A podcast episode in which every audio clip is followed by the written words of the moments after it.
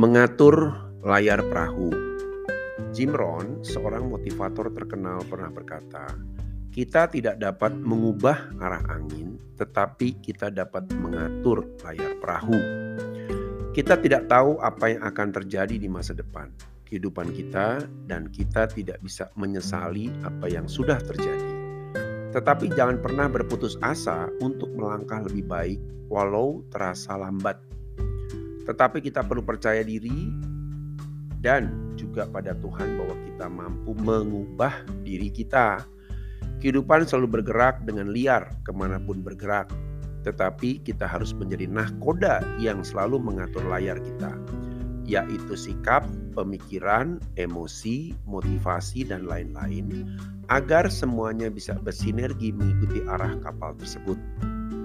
Dan celakanya, hanya itulah satu-satunya cara untuk mengatur arah tujuan hidup kita.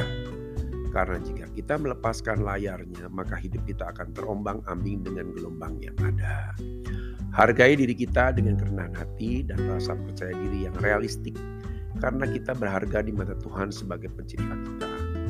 Berhentilah memikirkan masa lalu, jangan terlalu cemas akan hari esok, Jalani dengan antusias, mulailah sekarang juga berusaha sebaik mungkin.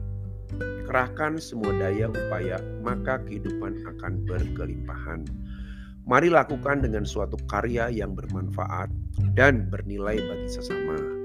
Inilah karya yang sebenarnya yang dapat kita lakukan untuk diri kita sendiri, untuk keluarga kita, dan untuk orang-orang di sekitar kita.